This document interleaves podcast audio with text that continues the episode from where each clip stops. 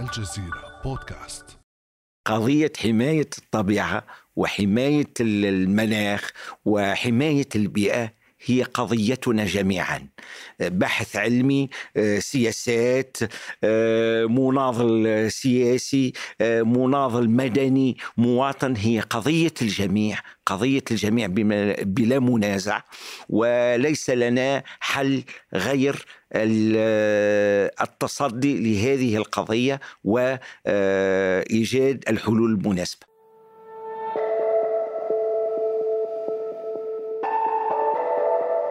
لا يزال هناك بصيص أمل لتجاوز كارثة التغير المناخي. هكذا يقول العلماء. لكن الوضع يبدو صعبا وأكثر تعقيدا في المنطقة العربية حيث تنذر التغيرات المناخية بأحداث تحولات عميقة في اقتصادات المنطقة وتركيبتها الجغرافية والديمغرافية. ورغم التحذيرات ونواقيس الخطر المتسارعة منذ سنوات فإن القضية محكومة بثقافة الإنكار والتجاهل في عديد الدول العربية. فما طبيعة التحديات المناخية العربية؟ ولماذا تأخر العرب في الاهتمام بالقضايا المناخية؟ وما الحلول المبتكرة لمواجهة تبعات التغير المناخي؟ مرحبا بكم متابعينا هذه حلقة جديدة من بودكاست الجزيرة بعد أمس وأسعد هنا في الاستوديو باستضافة الدكتور عادل السالمي الباحث بالمعهد الفرنسي للأبحاث البيئية والزراعية. أهلا وسهلا بك دكتور عادل. أهلا وسهلا وشكرا على هذه الدعوة. يا مرحبا. نورت الدوحة أنت ضيفنا هنا في الدوحة وفي الاستوديو. وأنا مسرور أن أكون معكم وأن نتناول هذه المواضيع الأساسية والحيوية. دكتور عادل بدأنا هذه الحلقة ببصيص من الأمل فهل أنت من الباحثين المتفائلين في مجال التغيرات المناخية أم أنت متشائم بعض الشيء؟ أنا متشائم على مستوى التحليل والتشخيص ولكن أيضا متفائل أن هناك حلول وسنجد مخارج فأنا أجمع بين التشاؤم ليست التشاؤم هو القسوة في التحليل ولكن التفاؤل والإرادة في إيجاد الحلول. وهذا ما يسمى بالفرنسية دكتور عادل catastrophisme éclairé. هذا بالضبط هو أنك تعيش ما قبل الأزمة أثناء الأزمة وما بعد الأزمة ولكن الأزمة هي أزمة هي قاسية ولكن من شأنها أن تفتح أيضا باب لحلول ولحلول جدية ولحلول بعض الأحيان جذرية ممكن أن تغير مسار الموضوع. خلينا نبدأ في هذا النقاش بالحديث عن أبرز التحديات المناخية التي تواجه المنطقة العربية اليوم. سيدتي المؤرخين يعتبروا أنه نحن دخلنا الآن عصر جديد عصر جيولوجي جديد. آه هذا العصر يسمونه عصر الأنثروبوسين عصر الأنثروبوسين أي أن الإنسان أصبح هو القوة الأساسية التي تؤثر في الكون وتؤثر في تغيراته الطبيعية. الإنسان بالصناعة تقريبا عندنا أكثر من قرن أو قرن ونصف من التصنيع. آه، شكل المعمار والتنظم الإنساني على وجه البسيطة. وسائل النقل المستعملة. آه، كل هذه الوسائل أصبحت مؤثرة وتفرز آه، غازات تفرز نفايات تفرز تأثيرات تؤثر على الكون. وبالتالي خرجنا من مرحلة التوازن إن صح التعبير إلى مرحلة فيها الاضطرابات، اضطرابات اولا في الغلاف الجوي، والغلاف الجوي معناها هناك اضطراب في الأمطار، اضطراب في الحرارة، آه، نقص في الرطوبة وهذا يؤثر على الغطاء النباتي، يؤثر على النباتات، يؤثر على الحيوانات ويؤثر أيضا على الإنسان. آه، هناك أيضا ارتفاع مستوى المياه للبحار، آه، هذا يتسبب في فيضانات، يتسبب في كل هذه الاختلالات غيرت خريطة المخاطر. المخاطر مم. قبل كانت هناك مناطق هشة ومعروفة ويمكن متابعتها وترصد المخاطر فيها. هل الاختلال أصبحت هناك عامل للمفاجأة هناك عامل للاضطراب؟ وتجاوزنا المناطق التقليدية. مم. المنطقة العربية من المناطق المهدة ولكن ليست وحدة. آه، ورغم هذه المفاجآت بالتوازي مع آه، هذا تطورت قدرات التنبؤ بالكوارث الطبيعية دكتور عادل فهل تعتقد أن هذه التحديات يمكن مواجهتها اليوم في المنطقة العربية باعتبارها كما قلت من أكثر المناطق المهددة في العالم؟ الشيء الإيجابي العلوم في هذه المجالات وعلوم الرصد ورصد المناخ ثم رصد تحركات الكتل الهوائية والجوية وكل هذه أصبحت آه، علوم لها من النماذج التي تستطيع التتبع وترصد ثم رسم مسارات الاحتمالات. طبعا ليست بالدقة المطلوبة لكن هناك اليوم إمكانيات التتبع. المنطقة العربية بحكم موقع موقعها الجغرافي هي منطقة آه، فيها مناطق كثيرة صحراوية فيها مناطق أيضا فيها ندرة الأمطار آه، هذا يضع المنطقة من المناطق المعرضة لتقلبات المناخ. وتقلبات المناخ تأثيراتها إلى جانب أنها تؤثر على جودة الحياة للبشر فهي تمس أيضا الزراعة آه، تمس وبالتالي تمس الإنتاج آه، الغذائي تمس الأمن الغذائي تمس الأمن البيئي ثم الاختلالات الصحية والبيئية تنتقل أيضا إلى الصحة والانتقال إلى الصحة يمس آه، جودة الحياة في المناطق المتضررة بالتالي هناك هجرة هناك تنقل. وهذا يؤدي إلى الكثير من التداعيات. أصبحنا اليوم نتحدث عن مهاجر بيئي نتحدث عن فقدان التنوع البيولوجي وغيره. التحولات المناخية والاضطرابات المناخية. عندما يكثر الجفاف عندما تأتي الفيضانات عندما آه، ترتفع الحرارة أو آه، يقع العكس تجي موجات برورة وموجات تصحر وتراجع. كل هذه العوامل تجعل من الناس يهاجرون من المناطق بحثا على أماكن آه، أكثر استقبال وأكثر آه، صلاحية لعيشهم. كذلك نفس الشيء حتى الحيوانات والنباتات إما تهاجر أو تموت فهي تتنقل. اذا آه، التحولات المناخية إلى جانب أنها تهدد البيئة هي تهدد الأمن الغذائي تهدد الأمن الصحي وتهدد في الأخير جودة الحياة وتؤدي إلى اضطرابات فهي تهدد الأمن الاجتماعي والسياسي عندما مم. تعم المجاعات. وعمد فهذا يؤدي أيضا إلى اضطرابات آه، سياسية ومن هنا يأتي التحدي على صانع القرار وعلى الحاكم وعلى السلطات السياسية. أي كيف تصنع سياسات تطوق هذه المشاكل وترسم آه، سياسات من ناحية رصد من ناحية تقديم الإجابات أثناء المخاطر ثم كيف نخرج على المدى المتوسط والبعيد من هذه المخاطر. قبل المرور إلى السياسات والحديث عن بعض الحلول دكتور عادل آه، دعنا نقدم بعض الأمثلة من الدول العربية، مثلا العراق يصنف وفق تقارير أممية من أكثر الدول المهددة أو المتأثرة بالتغير المناخي، حدثنا عن الأسباب وماذا عن بقية الدول العربية في المغرب، الجزائر، تونس، مصر، الكويت، السعودية، شاهدنا في الصحراء ذوبان بعض الثلوج في مناطق صحراوية، يعني مشهد لأول مرة يتابعه الناس في مختلف المنطقة العربية. قضية التعامل مع الموارد الطبيعية بشكل عام وخاصة قضايا المياه.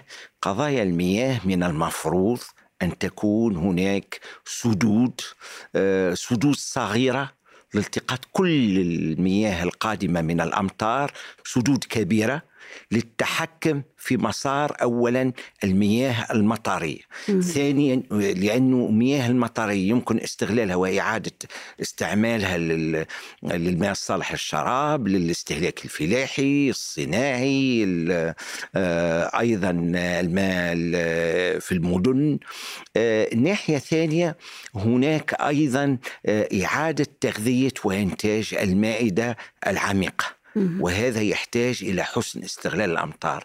في غالب عندما تغيب يقع اختلالات وهذا يمس العراق يمس السودان يمس هناك فترات تنزل أمطار كثيرة لكن أغلبها يذهب إلى البحر يجرف معه التربة لا يقع التقاط هذه المياه وإعادة آه، استعمالها هذا مع اضطرابات المناخ آه، يسبب آه، اختلالات وتأتي موجات حرارة قاسية ثم لما تنزل الأمطار في فترات أخرى لا تجيب على حاجيات والمطالب المنتظرة.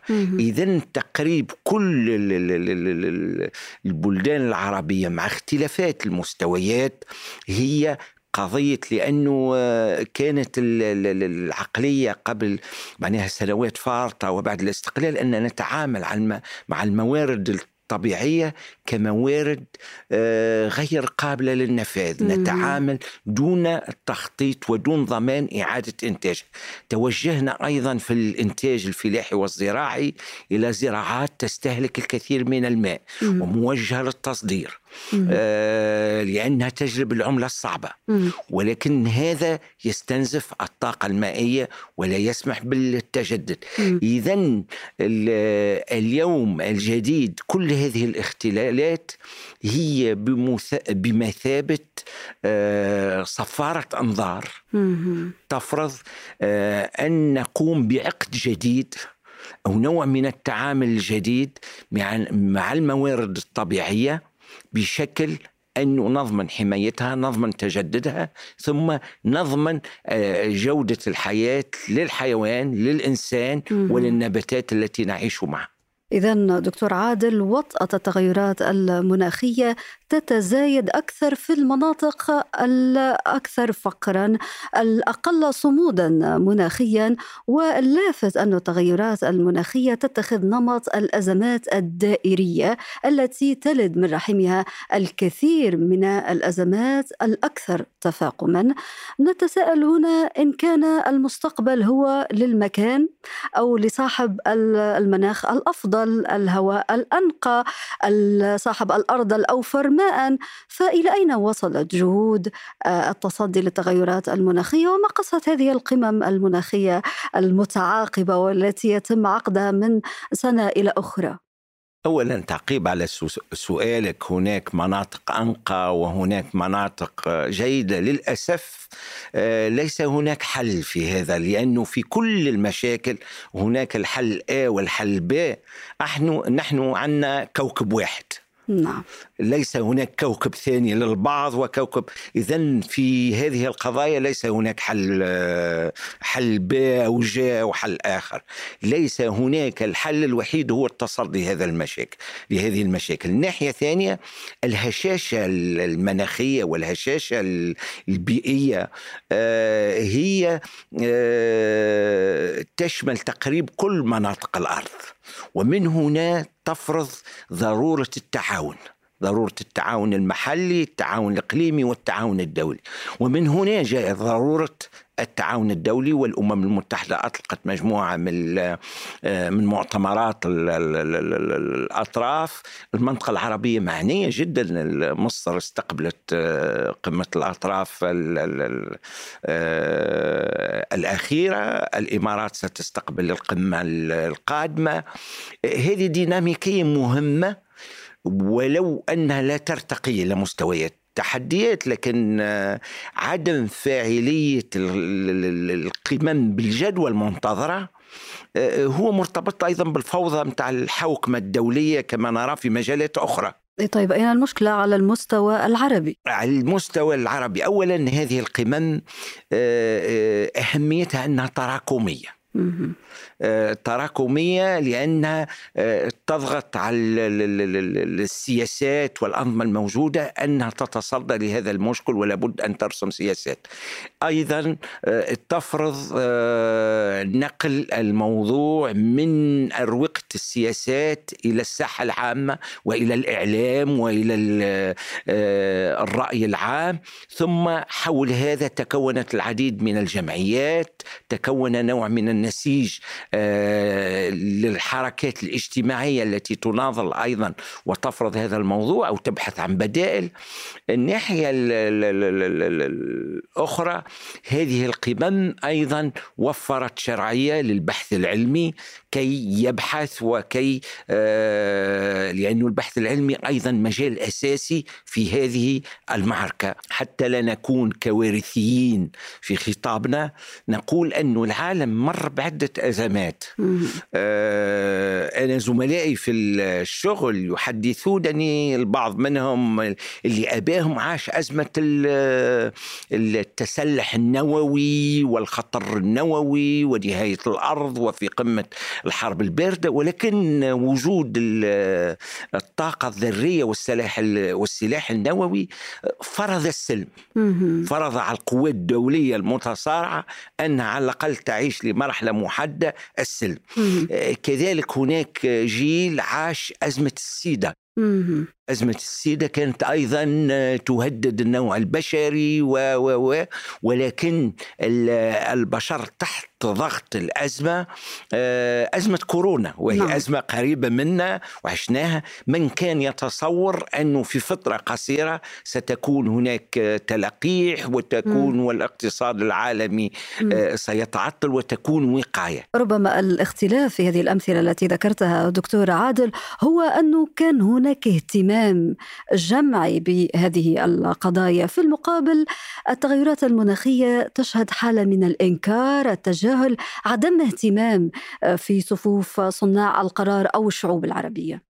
الإنكار لن لن يدوم طويلا لن يدوم طويلا لأن الأزمات تتفق م. آه، اليوم بعد أزمة كورونا ثم الحرب الروسية الأوكرانية ورأينا ارتهان الأمن الغذائي لشباك واحد لمزود واحد كيف خلق الأزمة. إذا هذا الإنكار لن يدوم طويلا لأنه من ناحية هناك أزمات طبيعية ولكن تخلق في أزمات اقتصادية. والأزمات الاقتصادية تحتاج إلى تمويل والتمويل يحتاج إلى استقرار سياسي والاستقرار السياسي أيضا يحتاج يحتاج إلى تشريك إذا لا يمكن أنا بل أنا أزعم أن التحولات المناخية هي آه، فاعل أساسي ضد الأنظمة ومتحالفة مع المعارضات ضد الأنظمة لإجبارها على آه، التشريك والانفتاح أكثر ودمقرطة الحياة الاجتماعية والحياة الاقتصادية لأنه لا يمكن إيجاد حلول لهذه المشاكل دون سياسات ناجعة سياسات ما فيهاش فساد آه، سياسات فيها شفافية وفيها حوكمة تشرك القطاع الخاص آه، تشرك المواطن وتشرك أيضا آه، الجيران وتشرك وتستفيد من العلاقات الدولية لإيجاد حلول. هل برأيك آه، آه، تأخر العرب في الاهتمام بالقضايا المناخية مرتبط بالرهان على أنه الحل يأتي من الخارج؟ وهل بالفعل الدول الكبرى مستعدة لمساعدة الدول الفقيرة والنامية في التصدي للتغيرات المناخية؟ اولا هناك مساعدات لا تفي بحجم المشكل ونحن رأينا في قمم الأطراف آه، الدول الغنية لم تستطع أن توفر التمويل الكافي للدول الضعيفة أو الدول الغير قادرة على المواجهة. هذا ناحية. ومن هنا التحدي لابد للدول التي تعاني من الهشاشة وتعاني من هذه المشاكل أن تطور دبلوماسية بيئية آه، شرسة لتعريف بقضاياها لانتزاع المساعدة. ولكن المساعدة إذا تأتي وإذا إذا لم تكن هناك آه، سياسات ناجعة وهناك شراكات ناجعة بين كل المتدخلين يشارك فيها البحث العلمي يشارك فيها الجمعيات والنقابات والأحزاب والمجتمع المدني وتشارك فيها الشركات آه، القطاع الخاص وأصحاب المصالح. ثم تشارك فيها الدولة باعتبارها هي الحكم وهي المنفذ وهي المدافع الأساسي على الصالح العام. إذا إذا لم يقع هذا فمهما تأتي المساعدات لن تحل المشكل ما الحلول؟ أنت مستعجل منذ بداية الحلقة لعرض الحلول وهل هناك بالفعل حلول مبتكرة؟ ونحن اليوم في عهد الذكاء الاصطناعي والحلول الذكية وغيره. الحلول في هذا الموضوع حلول ليس هناك وصفة واحدة. لأن المشكل متعدد المستويات ينطلق من المحلي للجهوي للوطني للإقليمي. إذا الحلول تمر من السلوكات البسيطة والتوعية البسيطة للمواطن إلى الشركات الكبرى التي تلوث والتي آه، تنتج مواد ملوثة كيف ممكن معالجتها كيف ممكن آه، بشكل أو إعادة تدويرها. ومن هنا تجي أهمية الاقتصاد الأخضر آه، إعادة تدوير النفايات إعادة تدوير الماء المستعمل إعادة بشكل أن نضمن استمرارية وإعادة تجدد الموارد الطبيعية. هذه ناحية. الناحية الثانية آه الحلول تمر أولا حلول تشاركية. تشريك كل القطاعات وكل الناس. الحلول الثانية هي رسم سياسات واستراتيجيات. لأنه الحل لابد من تخزين المياه تخزين الطاقة. لما تكون وفرة وتكون هناك لابد هذه وهذه مسألة ليست جديدة. معناها من من سيدنا يوسف أنه السنوات العجاف آه باش نواجهوهم لابد من العودة للسنوات الوفرة نعم. وخلق التخزين. وخلق آه، نحن سياسة التخزين من المشاكل الأساسية. في العالم العربي من من الطاقة للمواد الغذائية للماء آه، سياسة حسن التصرف لأن عندنا تبذير كثير نعم. تبذير التبذير المائي والغذائي ويمس كل القطاعات يمس نعم. السياحة يمس الصناعة يمس الفلاحة يمس المدن آه، أيضا لابد من حسن تصرف وإيجاد إمكانيات نعم. ايجاد إمكانيات لأن هناك تهرع هناك أماكن فيها تهرع البنيه التحتية وإضاعة المياه وهناك أماكن ليس فيها بنية تحتية أصلا. آه، الناحية الثالثة أنه هذه المشاكل لا يمكن أن تحل كل دولة. آه، ولا بد من تفعيل كل آه، إمكانيات التعاون المحلي والإقليمي. هناك التضامن على مستوى المغرب العربي على مستوى الخليج على مستوى الشرق الأوسط على مستوى الإفريقي. هذه هي دوائر طبيعية ودوائر بعدها أخوة وأواصر وتاريخ مشترك تمكن هذه المناطق لابد من التكامل. وهذا من مصلحة الجميع دكتور عادل بغض النظر عن أنه هو مشكل التغيرات المناخية يهدد الوجود الإنساني ككل وكما ذكرنا يفرز العديد من التداعيات من أبرزها الهجرة وهذا يهدد مثلا في بالنسبة لدول شمال أفريقيا يهدد الدول الأوروبية مشكلة النزوح مشكلة الفقر وغيره. فإلى جانب كل هذه الحلول التي طرحتها دكتور عادل ألا ترى أن المشكلة مشكلة عقلية مشكلة نمط حياة؟ العقلية ليست عقلية فقط. الناس اليوم موجودة عبارة عن القطار. القطار خلقت له سكة يسير فيها. لا يمكن أن يغير السكة. هناك نمط إنتاج هناك نمط استهلاك هناك نمط صناعي نمط لبناء المعمار. آه، صحيح الإنسان يستطيع أن يتحكم جزئيا في الاستعمال في الجدوى في كذا لكن لابد أيضا من تغيير السكة آه، سكة القطار أين توجهه؟ ومن هنا تأتي أهمية هناك حلقتين أساسيتين. من ناحية المواطن المواطن العادي كيف المواطن آه، الشركة أو المصنع أو ومن ناحية أخرى هناك الدولة، الدولة لابد من استرجاع الدولة اليوم وأن تلعب دورها في رسم السياسات وفي جلب الإمكانيات لهذه السياسات وفي جلب التعاون لهذه السياسات لأجل أن نبني هذا التوازن المنشود. وأنا أريد أن نعم. أقول ونحن في الدوحة. آه، نحن رأينا الد- الدوحة وقطر كيف اشتغلت آه، لتنظيم كأس عالم ناجح واشتغلت على كرة على كرة صغيرة. مم. الآن الباب مفتوح للاشتغال على الكرة الأرضية الكبيرة نعم والتي تستحق وقطر في هذا المجال يمكن أن تكون أيضا آه، منصة وقاعدة للعمل على هذه آه، آه، التوعية المواطنية لدعم البحث العلمي في هذه المجالات لايضا آه، أن تكون معناها حامل لهذا المشغل ولهذا المجال آه، الجديد في آه، في المنطقة العربية وأيضا في المنطقة الدولية لأنه اليوم لابد من ضغط دولي على الدول المصنعة والدول التي تلوث بشكل كبير. وهي معروفة معناها آه، أمريكا الشمالية. أستراليا الصين أوروبا. هذه قوى أساسية لابد الضغط عليها لتتحمل مسؤوليتها. من ناحية التنقيص في التلويث وفي الإنتاج ثم التضامن وتوفير الإمكانيات للدول مم. المتضررة لتطوير إمكانيات التأقلم مم.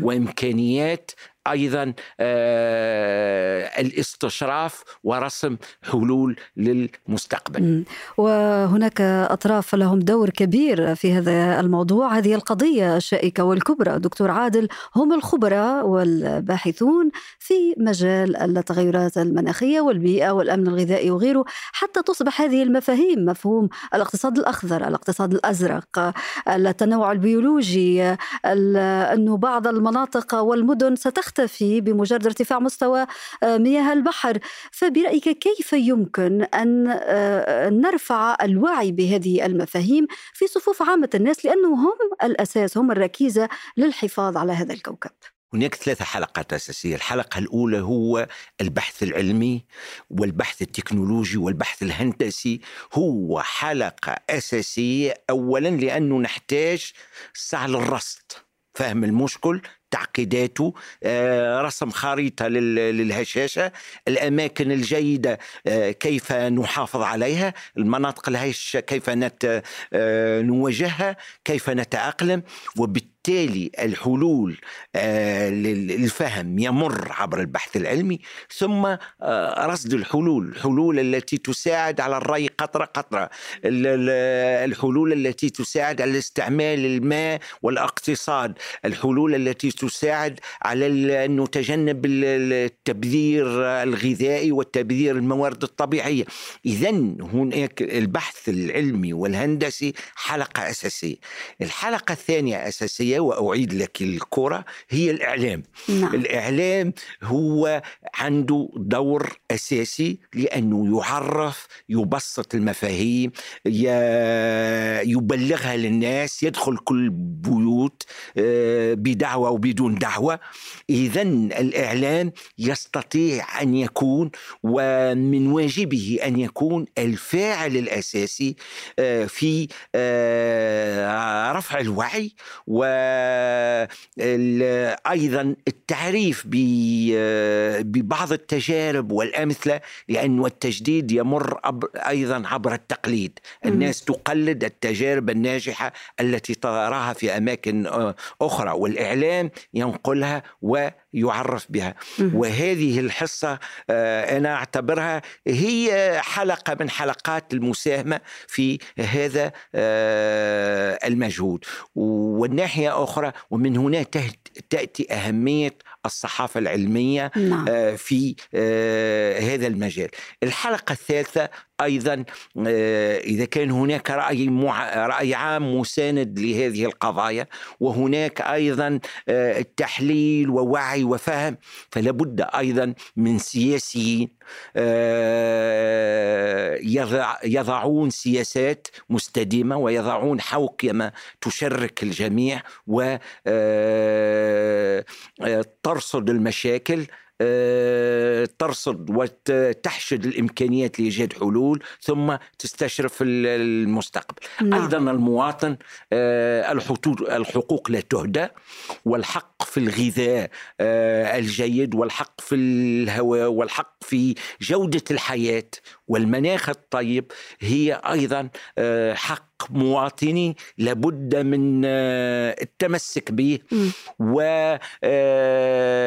والتوجه للضغط السياسي على أساس هذه الملفات لابد أن نجعل من السياسة مجال خدماتي ومجال لحل المشاكل وليست مجال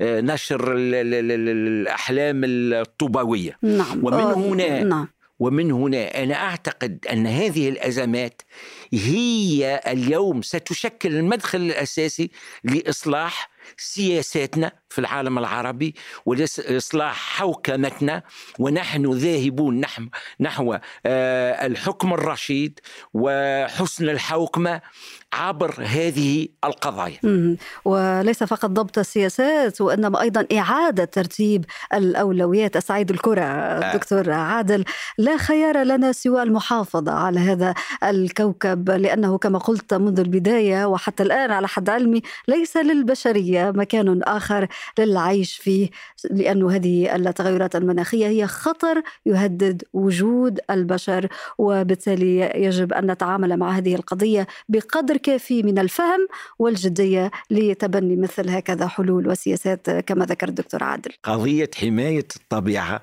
وحماية المناخ وحماية البيئة هي قضيتنا جميعا. بحث علمي سياسات مناضل سياسي مناضل مدني مواطن. هي قضية الجميع قضية الجميع بلا منازع وليس لنا حل غير التصدي لهذه القضية وإيجاد الحلول المناسبة. بإذن الله. الدكتور عادل سلمي الباحث بالمعهد الفرنسي للأبحاث البيئية والزراعية شكرا جزيلا لك على هذه الحلقة المفيدة والممتعة. شكرا شكرا. وأنا مسرور أن أكون معكم. ونحن أسعد. شكرا لكم متابعينا. كان هذا بعد أمس.